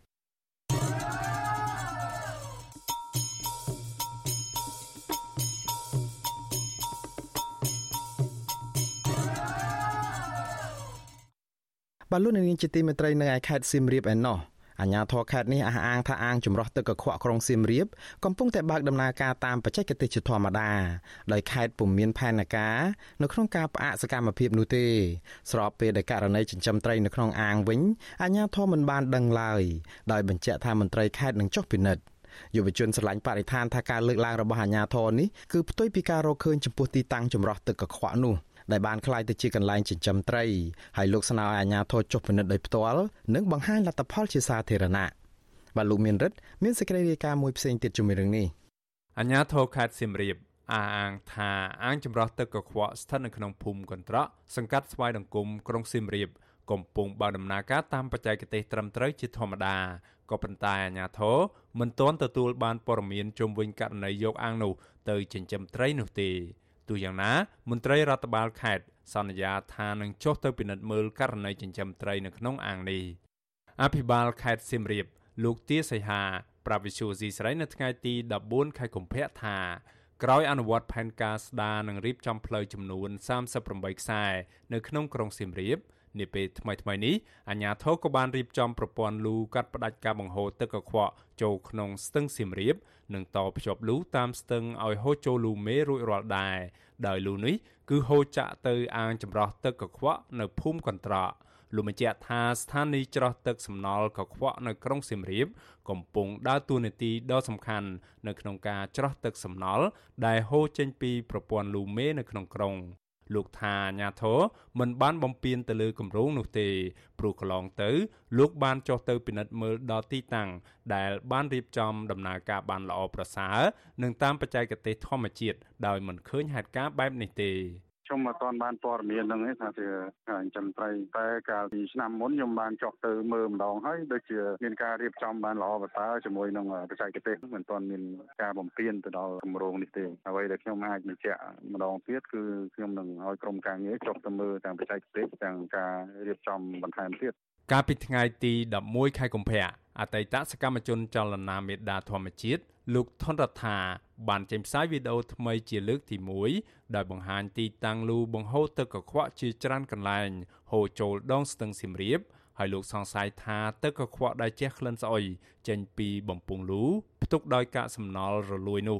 មិនបានឆ្លងកាត់ប្រព័ន្ធចម្រោះត្រឹមត្រូវដោយបានហូរចេញពីមន្ទីរពេទ្យផ្សារសន្តាគារផ្ទះសំណាក់ ភោជនីយដ្ឋាន និងផ្ទះរបស់ប្រជាពលរដ្ឋក្នុងវីដេអូជិត3នាទីយុវជនរូបនេះរកឃើញថាអាងចម្រោះទឹកសំណល់ក្រុងសៀមរាបមួយកន្លែង ទំហំ12ហិកតា បានក្លាយជាអាងចិញ្ចឹមត្រីជុំវិញរឿងនេះអតីតសកម្មជនចលនាមេដាធម្មជាតិលោកថនរដ្ឋាថ្លែងថាការបកស្រាយរបស់អាជ្ញាធរខេត្តសៀមរាបផ្ទុយពីការរកឃើញរបស់លោកនៅក្នុងវីដេអូកាលពីពេលថ្មីៗនេះ យុវជនឆ្លាញ់បរិស្ថានរូបនេះថាជាក់ស្ដែងលោករកឃើញការបង្ហូរទឹកកខ្វក់ជាច្រើនកន្លែងចូលក្នុងស្ទឹងសៀមរាបដែលសង្ស័យថាมันបានឆ្លងកាត់ការចម្រោះត្រឹមត្រូវនោះឡើយ រីឯទីតាំងចម្រោះទឹកកខ្វក់នៅក្រុងសៀមរាបវិញអ្នកចិញ្ចឹមត្រីបានប្រាប់លោកដោយផ្ទាល់ថាអាងនេះត្រូវបានគេយកទៅចិញ្ចឹមត្រីអស់រយៈពេលជិត2ឆ្នាំមកហើយខណៈអ្នកយាមអាងក៏បានបញ្ជាក់ដែរថាម៉ាស៊ីនបូមទឹកកខ្វក់ពីលូខូចតាំងពីឆ្នាំ2019ដោយមិនទាន់ដំណើរការវិញនោះទេដូច្នេះលោកស្នើឲ្យអាជ្ញាធរខេត្តចុះទៅពិនិត្យមើលទីតាំងនោះហើយផ្សព្វផ្សាយដោយផ្ទាល់និងបង្ហាញលទ្ធផលស្រាវជ្រាវរឿងនេះជាសាធារណៈ ចឹងគឺយើងសាទរបើសិនជា មានការចាប់ត្រីចុះទៅត្រួតពិនិត្យកន្លែងហ្នឹងហើយមួយទៀតហ្នឹងយើងក៏លើកទឹកចិត្តឲ្យបង្ហាញដែរមិនត្រឹមតែមានការចុះទៅទេហើយនៅពេលដែលគាត់ចុះទៅហើយយើងស្នើឲ្យមានការបង្ហាញពីការដែលគាត់ចុះទៅហើយនឹងពីលទ្ធផលដែរការស្រាវជ្រាវរបស់គាត់ទៅតើមានលទ្ធផលបែបណាងាយដើម្បីឲ្យនាមពួកខ្ញុំដែលជាអ្នកដែលឆ្លៃបរិស្ថាននេះយើងបានតាមដានផងជួយគាត់ដែរនៅក្នុងការប្រមូលព័ត៌មានទាំងអស់ហ្នឹងពួកយើងចង់បានគឺដំណោះស្រាយ វីដេអូរបស់យុវជនរូបនេះបារម្ភថាទឹកស្អុយដែលបង្ហូរចូលស្ទឹងទេសចរប្រវត្តិសាស្ត្រនេះហើយបន្តហូរចូលបឹងទលេសាប ដោយមិនបានចម្រោះត្រឹមត្រូវធ្វើឲ្យប៉ះពាល់ដល់មុខមាត់កម្ពុជានិងបំផ្លាញជីវៈចម្រុះនៅក្នុងទឹកទឹកនេះក៏ត្រូវបានពលរដ្ឋយកទៅប្រើប្រាស់ដើម្បីស្រោចដំណាំដាំបន្លែចិញ្ចឹមត្រីនិងនេសាទដែលអាចប៉ះពាល់ធ្ងន់ធ្ងរដល់សុខភាពសាធារណៈ យុវជនរូបនេះបញ្ជាក់ថាក្នុងនាមរូបលោកជាយុវជនស្រឡាញ់សន្តិភាព និងស្រឡាញ់បរិស្ថាន លោកចង់ឃើញស្ទឹងសៀមរាប មានទឹកថ្លាតាក់ទាញភ្ញៀវទេសចរដោយមិនមែនជាស្ទឹងទឹកលូនោះទេស្ថានីយ៍ច្រោះសម្អាតទឹកសំណល់ក្រុងសៀមរាប ដែលមានបឹងរក្សាកម្រិតទឹកចម្រោះកាកសំណល់តាមផ្ទះនិងអាជីវកម្មត្រូវបានសម្ពោធដាក់ឲ្យប្រើប្រាស់កាលពីឆ្នាំ2010មានទំហំ12ហិកតា ដោយចំណាយលើគម្រោងអស់ទឹកប្រាក់ជាង14លានដុល្លារនៅក្នុងនោះទទួលបានថវិកាកម្ចីឥណទានចំនួន11លានដុល្លារពីធនាគារអភិវឌ្ឍអាស៊ី ADB និងរបស់រដ្ឋាភិបាលកម្ពុជាជិត7លានដុល្លារសម្រាប់សាងសង់ប្រព័ន្ធលូនិងស្ថានីយ៍ចម្រោះទឹកសំណល់លោកថនរដ្ឋាបញ្ជាក់ថាវីដេអូនេះកើតចេញពីក្តីស្រឡាញ់របស់លោកដើម្បីសុំកិច្ចអន្តរាគមន៍ និងដំណោះស្រាយពីអាជ្ញាធរពាក់ព័ន្ធហើយលោកគ្រងដាក់លិខិតទៅអាជ្ញាធរខេត្តសៀមរាបដែលភ្ជាប់នៅឯកសារភស្តុតាងមួយចំនួន ដើម្បីស្នើដោះស្រាយនិងអន្តរាគមន៍ជំវិញបញ្ហានេះខ្ញុំបាទមេរិត Visual C ស្រីរាយការណ៍ពីរដ្ឋធានី Washington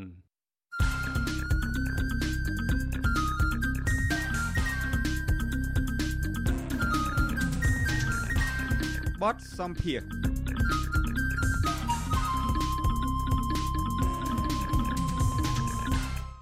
បលូននាងជាទីមេត្រីអ្នកវិភាគថាសហរដ្ឋអាមេរិកនៅតែរៀបចំកិច្ចប្រជុំកំពូលអាស៊ានអាមេរិកនៅពេលខាងមុខបើទោះបីជាមានការស្នើសុំពីអង្គការសិទ្ធិមនុស្សអន្តរជាតិ Human Rights Watch ដែលសំអាងថាមិនចង់ឲ្យមេដឹកនាំផ្ដាច់ការនៅអាស៊ានមួយចំនួនចូលរួមនៅក្នុងកិច្ចប្រជុំ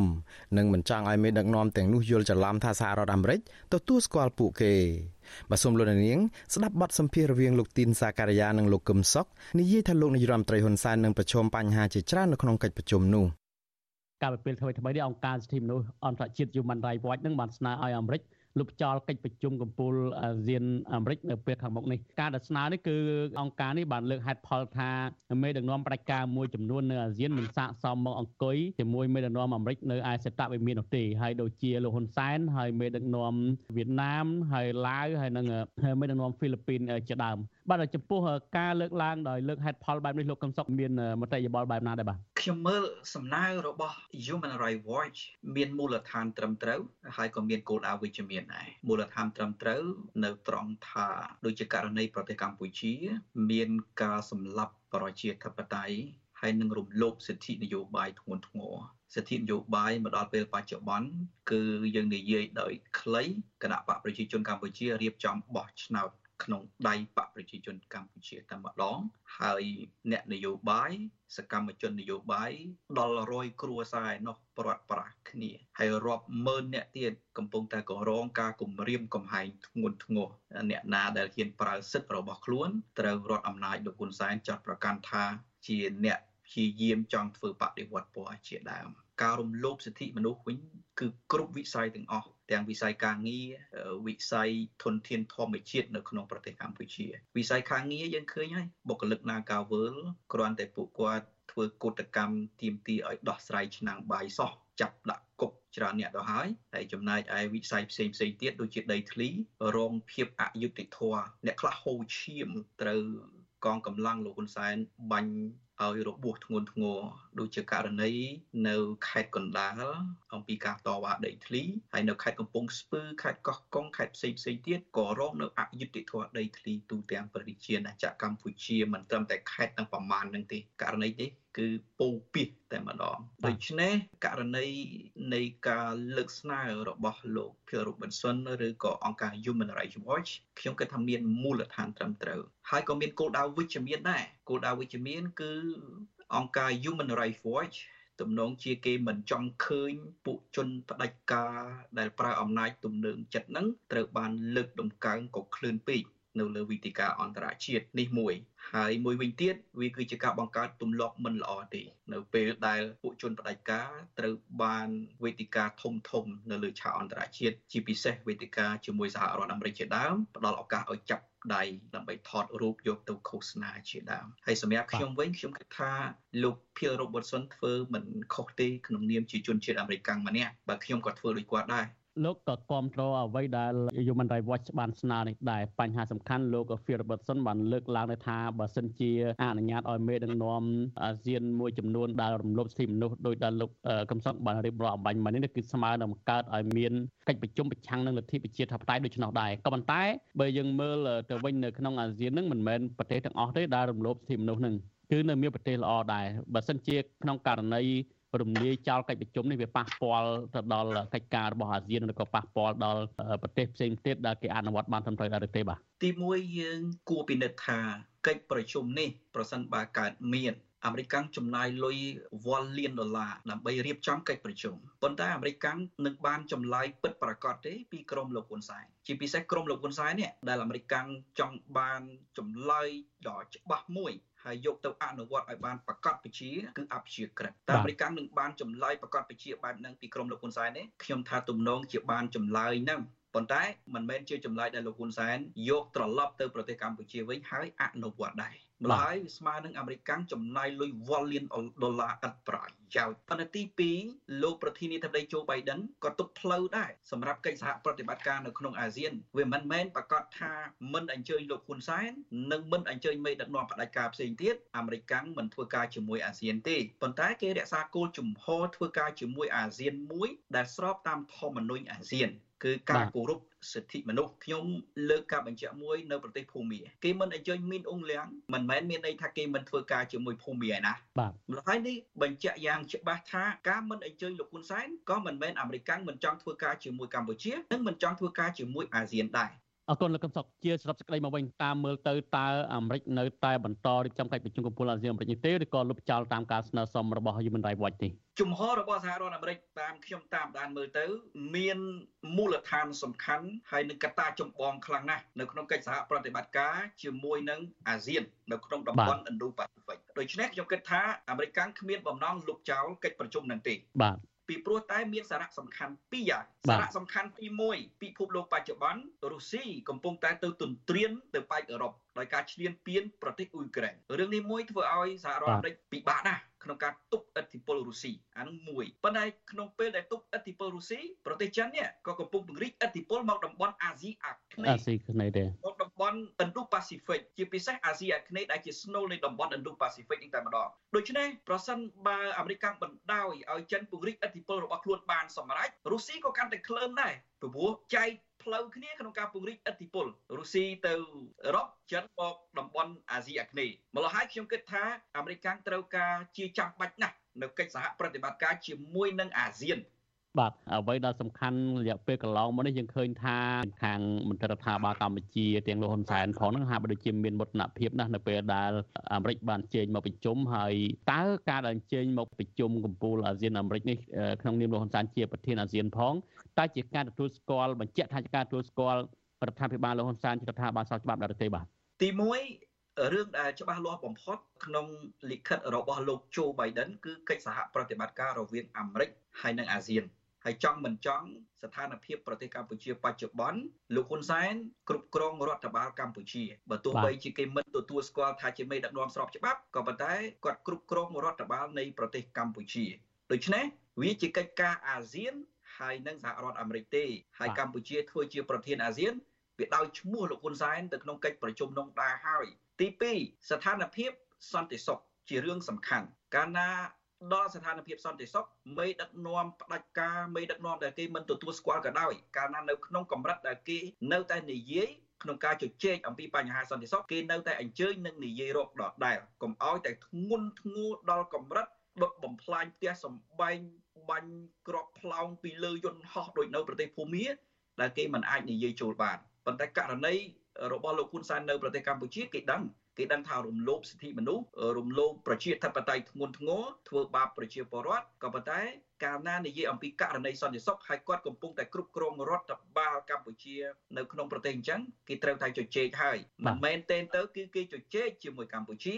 ដែលមានមេរដ្ឋបាលមួយបើទោះបីជាមិនស្របច្បាប់ហើយគេជជែកជាមួយអាស៊ានជាកិច្ចសហប្រតិបត្តិការរវាងអាមេរិកនិងអាស៊ានទេយើងកុំផ្ដោតលើកម្ពុជាជ្រុលពេកតែពិត ជាកិច្ចសហប្រតិបត្តិការរវាងអាមេរិកនិងអាស៊ានហើយលោកโจ Biden បញ្ជាក់ច្បាស់ថាពង្រីកឥទ្ធិពលនៃកិច្ចសហប្រតិបត្តិការនឹងនៅក្នុងតំបន់ Indo-Pacific ដែលមានអាស៊ានជាស្នូលមានប្រទេសឥណ្ឌានិងប្រទេសជុំវិញ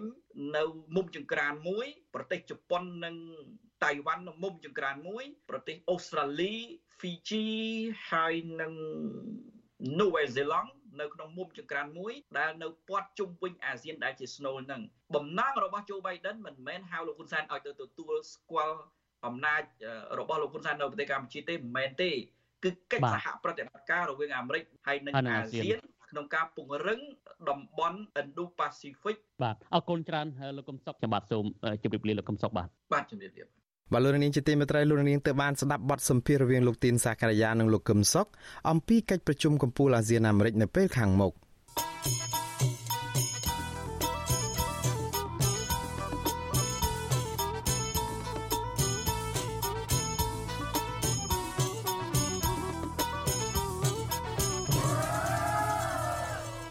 បលូនអ្នកស្ដាប់ជាទីមេត្រី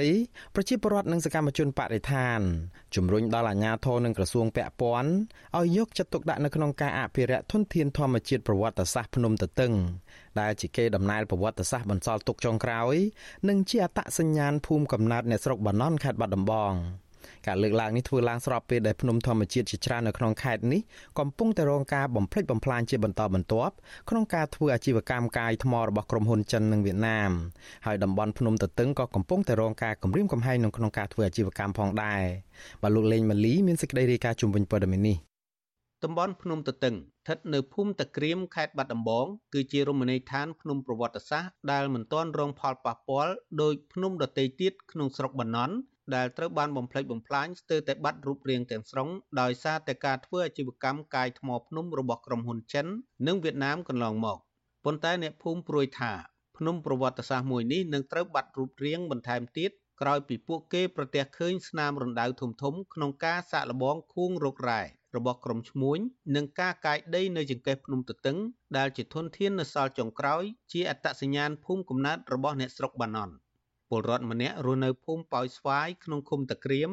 លោកជួនវុធីប្រាប់វិទ្យុអស៊ីសេរីនៅថ្ងៃទី14កុម្ភៈថាក្រុមឈ្មួញបានកាយថ្មភ្នំនិងដីក្រហមនៅចង្កេះភ្នំទទឹងនិងប្រើប្រាស់ដ្រូនបង្ហោះដើម្បីមើលទីតាំងសម្រាប់ធ្វើអាជីវកម្មរុករករ៉ែរបស់ពួកគេជិត1ខែមកហើយលោកបញ្ជាក់ថាភ្នំទទឹងជាក្តីសង្ឃឹមសម្រាប់ពលរដ្ឋរាប់រយគ្រួសារក្នុងការស្រ័យផលរកប្រាក់ចំណូលតាមរយៈការដកផ្សិតកាច់ស្លឹកព្រិច ជីកទំពាំងនិងមានព្រៃឈើជាម្លប់បៃតងធំធេងសម្រាប់ជំរកសត្វព្រៃលោកបន្តថាអ្នកភូមិកំពុងព្រួយថាភ្នំដែលសល់ចុងក្រោយនេះនឹងបាត់រូបរាងបន្ថែមទៀតស្របពេលដែលមានក្រុមឈ្មួញជនជាតិចិន និងអ្នកមានអំណាចចុះមកសិក្សាពីការធ្វើអាជីវកម្មជាបន្តបន្ទាប់ អ្នកអស់ព្រោះភូមិត្រៀមនេះនៅតែរំរឹងអត់ទាន់មានលំហ៊ុនណាមកប៉ះពាល់ទេឥឡូវវាគម្រោងលាក់មកដល់ហើយដីបារម្ភមានអីមានតែអនាគតអីកើតបឹងមកបាត់នោះវាអាចក្រោមដីវាមិនដល់ដីក្រោមដីវាលោកជួនវុធីបន្ថែមថាក្រុមហ៊ុនដែលចុះមកសិក្សាពីការរុករករ៉ែក្នុងភ្នំទទឹងនោះឈ្មោះសួនមាសសម្បត្តិនិងមានអ្នកជំនាញជាជនជាតិចិនជាង10នាក់បានឈូសឆាយបំផ្លិចបំផ្លាញធនធានព្រៃឈើមួយចំនួនធំពេលខួងរុករករ៉ែកន្លងមក លោកបន្តថាភ្នំតាក្រៀមជាភ្នំមួយដែលមិនទាន់រងផលប៉ះពាល់ពីការធ្វើអាជីវកម្មប៉ុន្តែលោកថាបើអាជ្ញាធរនៅប្រងើយកន្តើយមិនយកចិត្តទុកដាក់អភិរក្សទេភ្នំទទឹងនឹងក្លាយជាវាលរៀបដល់ដីដោយភ្នំផ្សេងទៀតជាក់ជាមិនខាន។ ធម្មតាពួកចិនបរិយវាហើយទឹកសុទ្ធវាខ្លាយពីយើងដល់លើនោះវាអត់មានចោលពុកទៅបីតែកតុយបរិយអត់មានចោលចោលកន្លែងឡានលាងដានវាស្អាតចិនរហូតដល់ពីមុនមកដល់ពេញមុខនេះក្រុមហ៊ុនជួនមានសម្បត្តិក្នុងហាយនឹងលាងលុយឲ្យចិនឃើញទៅផ្លាញជាតំសួរសម្រាប់ពលក្រៀមនេះអត់មានបានផលចំណេញអីពីពីក្រុមហ៊ុនអស់នេះថាក្តីអត់សង្ឃឹមរបស់គ្នាទៅថ្ងៃអនាគតនឹងអស់ភ្នំនឹងគ្នាទៅរកអីការងារអត់មានទេទៅថៃទៅថៃក៏វាយ៉ាប់ទៀតឥឡូវហ្នឹង ស្រដៀងគ្នានេះដែរពលរដ្ឋម្នាក់ទៀតរស់នៅភូមិតាងែនលោកសួនរក្សាមិនសង្ឃឹមថាអាញាធរនិងក្រសួងពាក់ព័ន្ធអភិរក្សការពារភ្នំទទឹងដើម្បីបន្សល់ទុកឲ្យកូនចៅចំនួនក្រោយបានស្គាល់នោះទេដោយសារតែលោកសង្កេតឃើញថាភ្នំជាច្រើនក្នុងស្រុកបាណន់ស្ទើរតែคล้ายជាវាលរៀបដល់ដីជាបន្តបន្ទាប់ក្រោមរូបភាពអភិវឌ្ឍរបស់ក្រុមហ៊ុនបរទេសនិងអ្នកមានអំណាច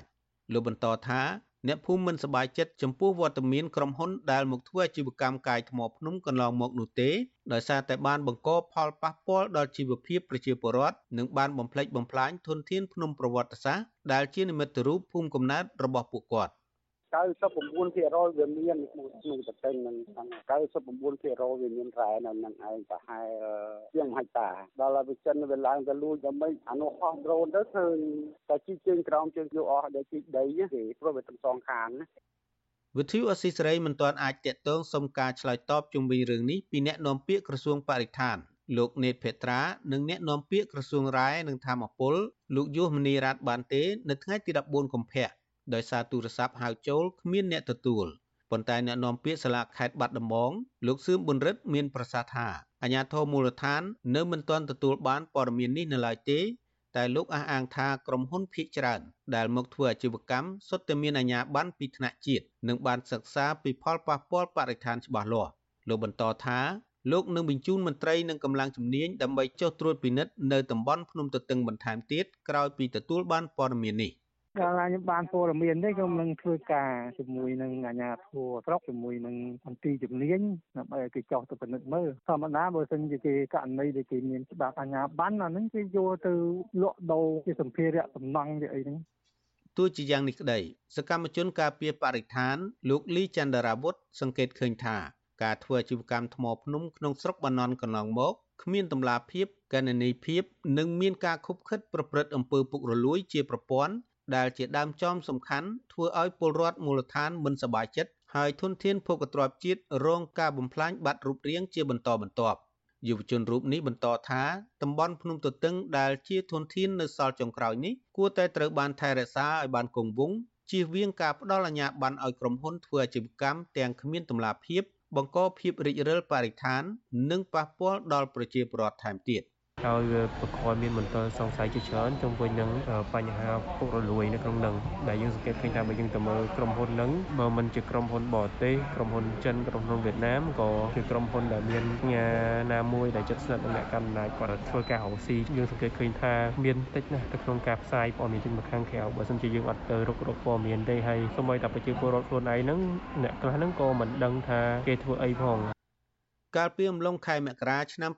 2021ជនជាតិចិនមានគ្នាជាង10នាក់បានប្រើប្រាស់ drone និងប្រព័ន្ធកុំព្យូទ័រដើម្បីសិក្សាស្រាវជ្រាវរករ៉ែមាសនៅតំបន់ភ្នំទទឹងរួចមកហើយបច្ចុប្បន្នក្រុមហ៊ុនឈ្មោះសួនមាសសម្បត្តិដែលមានកម្មករជនជាតិចិនរាប់រយនាក់កំពុងឈូសឆាយដីព្រៃធ្វើផ្លូវបណ្ដើបណ្ដាហើយដោយពលរដ្ឋសង្ស័យថាក្រុមហ៊ុននឹងចាប់ផ្ដើមបើកការដ្ឋាននិងនាំចូលគ្រឿងចក្រដើម្បីធ្វើអាជីវកម្មក្នុងរយៈពេលដ៏ខ្លីខាងមុខនេះជុំវិញរឿងនេះ អ្នកនាំពាក្យសមាគមការពារសិទ្ធិមនុស្សអាត់ហុកលោកសង្សានករណាព្រួយបារម្ភថាភ្នំទទឹងអាចរងផលប៉ះពាល់បន្ថែមទៀតស្របពេលក្រុមហ៊ុនកំពុងមានវត្តមាននៅតំបន់ភ្នំនោះហើយអាជ្ញាធរពាក់ព័ន្ធនៅមិនទាន់ផ្សព្វផ្សាយពីការធ្វើអាជីវកម្មនេះឲ្យបានទូលំទូលាយនៅឡើយលោកមើលឃើញថាធនធានភ្នំក្នុងស្រុកបាណន់ដែលរងការបំផ្លិចបំផ្លាញជាបន្តបន្ទាប់មកនេះដោយសារតែខ្វះការយកចិត្តទុកដាក់ពីអាជ្ញាធរក្នុងកិច្ចការពារភោគទ្រព្យជាតិឲ្យនៅគង់វង្ស ខ្ញុំមិនជឿជាក់ថាក្រុមហ៊ុនបានអនុវត្តនិងគោរពតាមកិច្ចសន្យានឹងឲ្យបានត្រឹមត្រូវទេអាជ្ញាធរថ្នាក់ក្រោមជាតិនឹងក៏បីមានការត្រួតពិនិត្យនិងធ្វើការវិតម្លៃផងដែរដើម្បីកុំឲ្យការខាតបង់នៅធនធានធម្មជាតិរបស់ប្រទេសកម្ពុជាយើងនឹងគឺកាន់តែហិនហោចទៅដោយសារតែការមិនអនុវត្តទូនាទីនិងការទទួលខុសត្រូវរបស់អាជ្ញាធរទាំងអស់ហ្នឹងវាអាចជាប់ពាក់ព័ន្ធទៅនឹងផលប្រយោជន៍ហើយនឹងអំពើពុករលួយផ្សេងផ្សេង អ្នកស្រុកបាណន់ថ្លែងថាបើអាញាធរនៅតែបើកដៃឲ្យក្រុមហ៊ុនចិន និងអ្នកមានអំណាចធ្វើអាជីវកម្មដោយសេរីបែបនេះតំបន់ភ្នំទទឹងនឹងក្លាយជាវាលរៀបដល់ដីដោយភ្នំគុលដែលរលាយស្ទើរតែបាត់រូបរាងដោយសារតែក្រុមហ៊ុនចិនធ្វើអាជីវកម្មយកថ្មម៉ាបកាលពីឆ្នាំ2013ក្រៅពីភ្នំទទឹងរមណីយដ្ឋានតំបន់ភ្នំប្រវត្តិសាស្ត្រមួយចំនួនទៀតកំពុងរងការគំរាមកំហែងធ្វើអាជីវកម្មនិងកំពុងរលាយស្ទើរបាត់រូបរាងជាបន្តបន្ទាប់ ដូចជាភ្នំតាក្រៀមភ្នំថ្មក្រហម ភ្នំអន្សែ ភ្នំប៉ោយស្វាយភ្នំពពូល ភ្នំតាត្រងោលនិងភ្នំគុលជាដើមភ្នំធម្មជាតិទាំងនេះធ្លាប់ផ្ដល់ម្លប់បៃតងស្រស់ស្អាតតាក់ទាញភ្ញៀវទេសចរប៉ុន្តែបច្ចុប្បន្នបានក្លាយជាការដ្ឋានជីកកោះកាយនិងកិនថ្មដោយមានគ្រឿងចាក់រាប់សិបគ្រឿងដឹកជញ្ជូនថ្មធ្វើអាជីវកម្មយ៉ាងកក្រឹកកក្រែងស្ទើរជារៀងរាល់ថ្ងៃខ្ញុំបាទលេងម៉ាលីវិទ្យុអស៊ីសេរីរាយការណ៍ពីរដ្ឋធានី Washington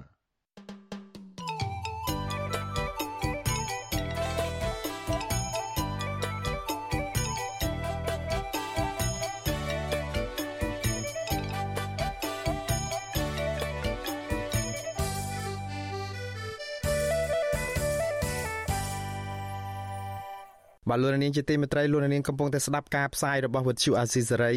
ដែលផ្សាយចេញពីរដ្ឋធានី Washington សហរដ្ឋអាមេរិកលោកនាងក៏អាចស្ដាប់ការផ្សាយរបស់វិទ្យុអាស៊ីសេរីដំណើរគ្នាទៅនឹងការផ្សាយតាមបណ្ដាញសង្គម Facebook និង YouTube នេះតាមរយៈរលកធារកាសខ្លីឬក៏ Short Wave ពេលព្រឹកចាប់ពីម៉ោង5កន្លះដល់ម៉ោង6កន្លះតាមរយៈរលកធាតុអាកាសខ្លី9390 kHz ស្មើនឹងកម្ពស់ 32m និង11850 kHz ស្មើនឹងកម្ពស់ 25m ពេលយប់ចាប់ពីម៉ោង7កន្លះដល់ម៉ោង8កន្លះតាមរយៈរលកធាតុអាកាសខ្លី9390 kHz ស្មើនឹងកម្ពស់ 32m និង15155 kHz ស្មើនឹងកម្ពស់ 20m បាទសូមអរគុណ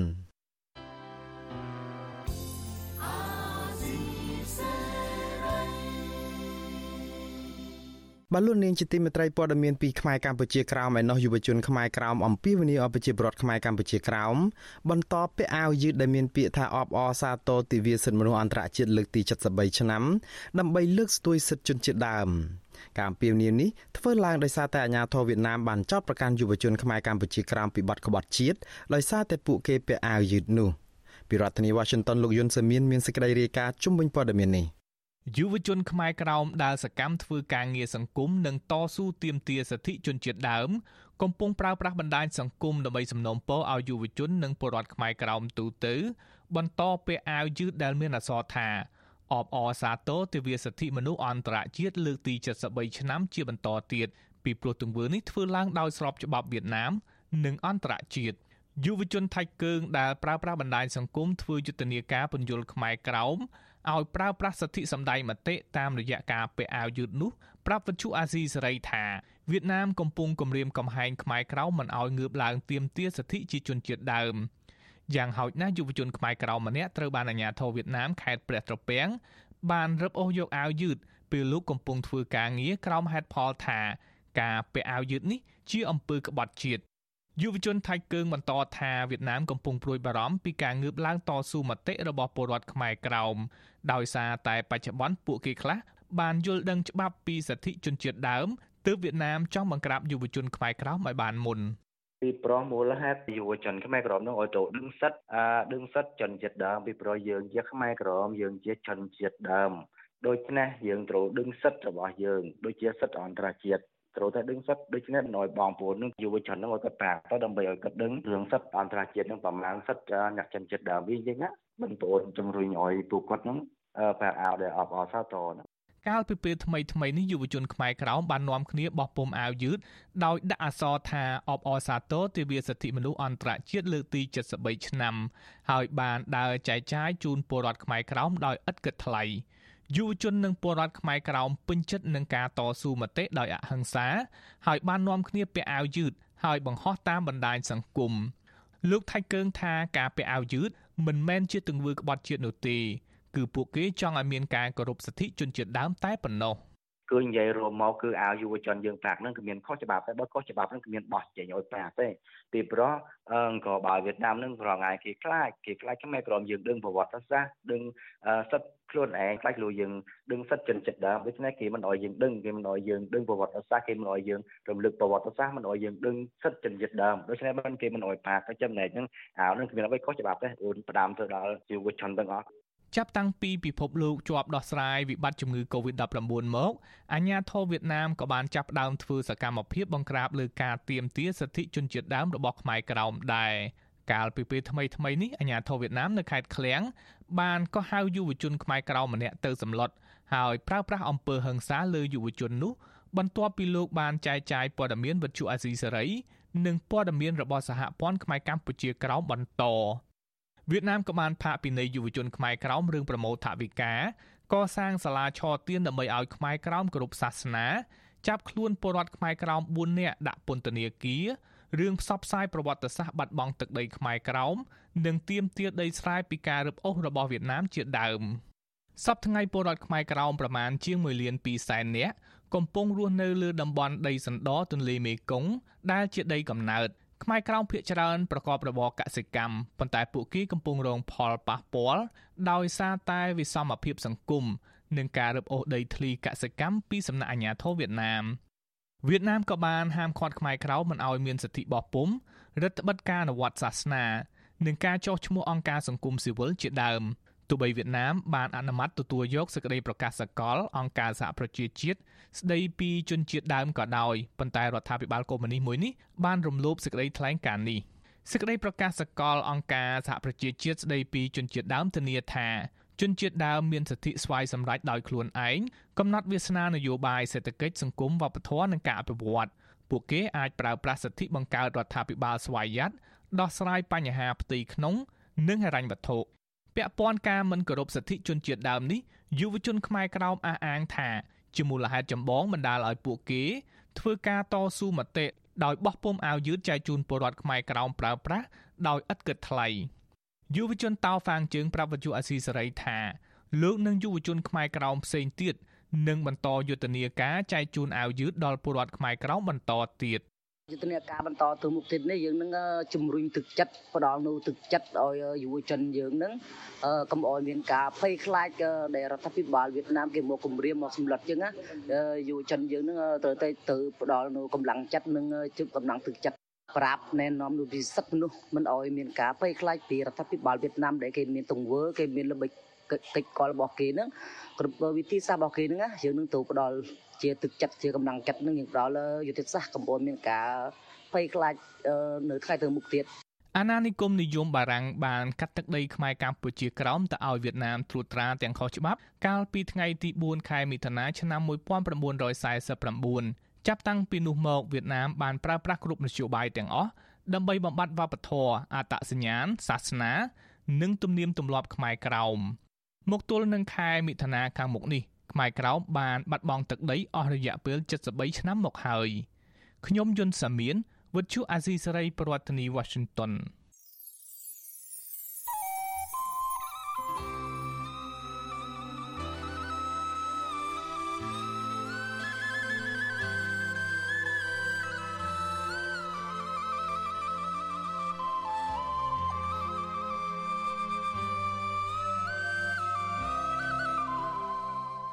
បាទលោកនាងជាទីមេត្រីជាបន្តទៅទៀតនេះខ្ញុំបាទមុងណារ៉េតសូមជូនព័ត៌មានបញ្ចប់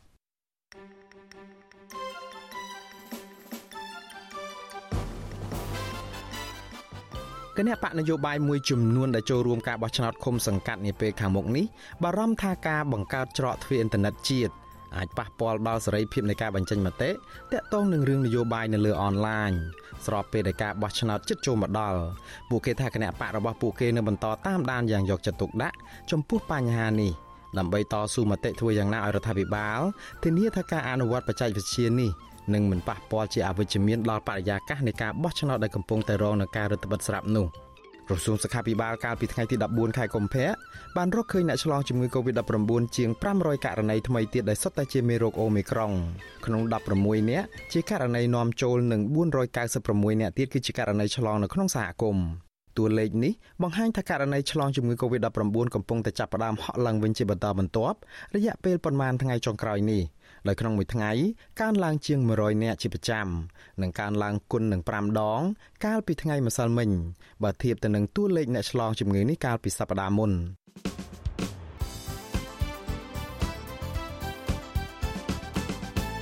បលូននាងកញ្ញាអ្នកស្ដាប់ជាទីមេត្រីការផ្សាយរយៈពេល1ម៉ោងជាភាសាខ្មែររបស់វិទ្យុអាស៊ីសេរីនៅពេលនេះចប់តែប៉ុណ្ណេះ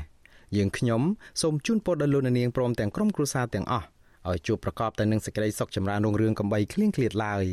ខ្ញុំបាទមុងណារ៉េតព្រមទាំងក្រុមការងារទាំងអស់នៃវិទ្យុអាស៊ីសេរីសូមអរគុណនិងសូមជម្រាបលា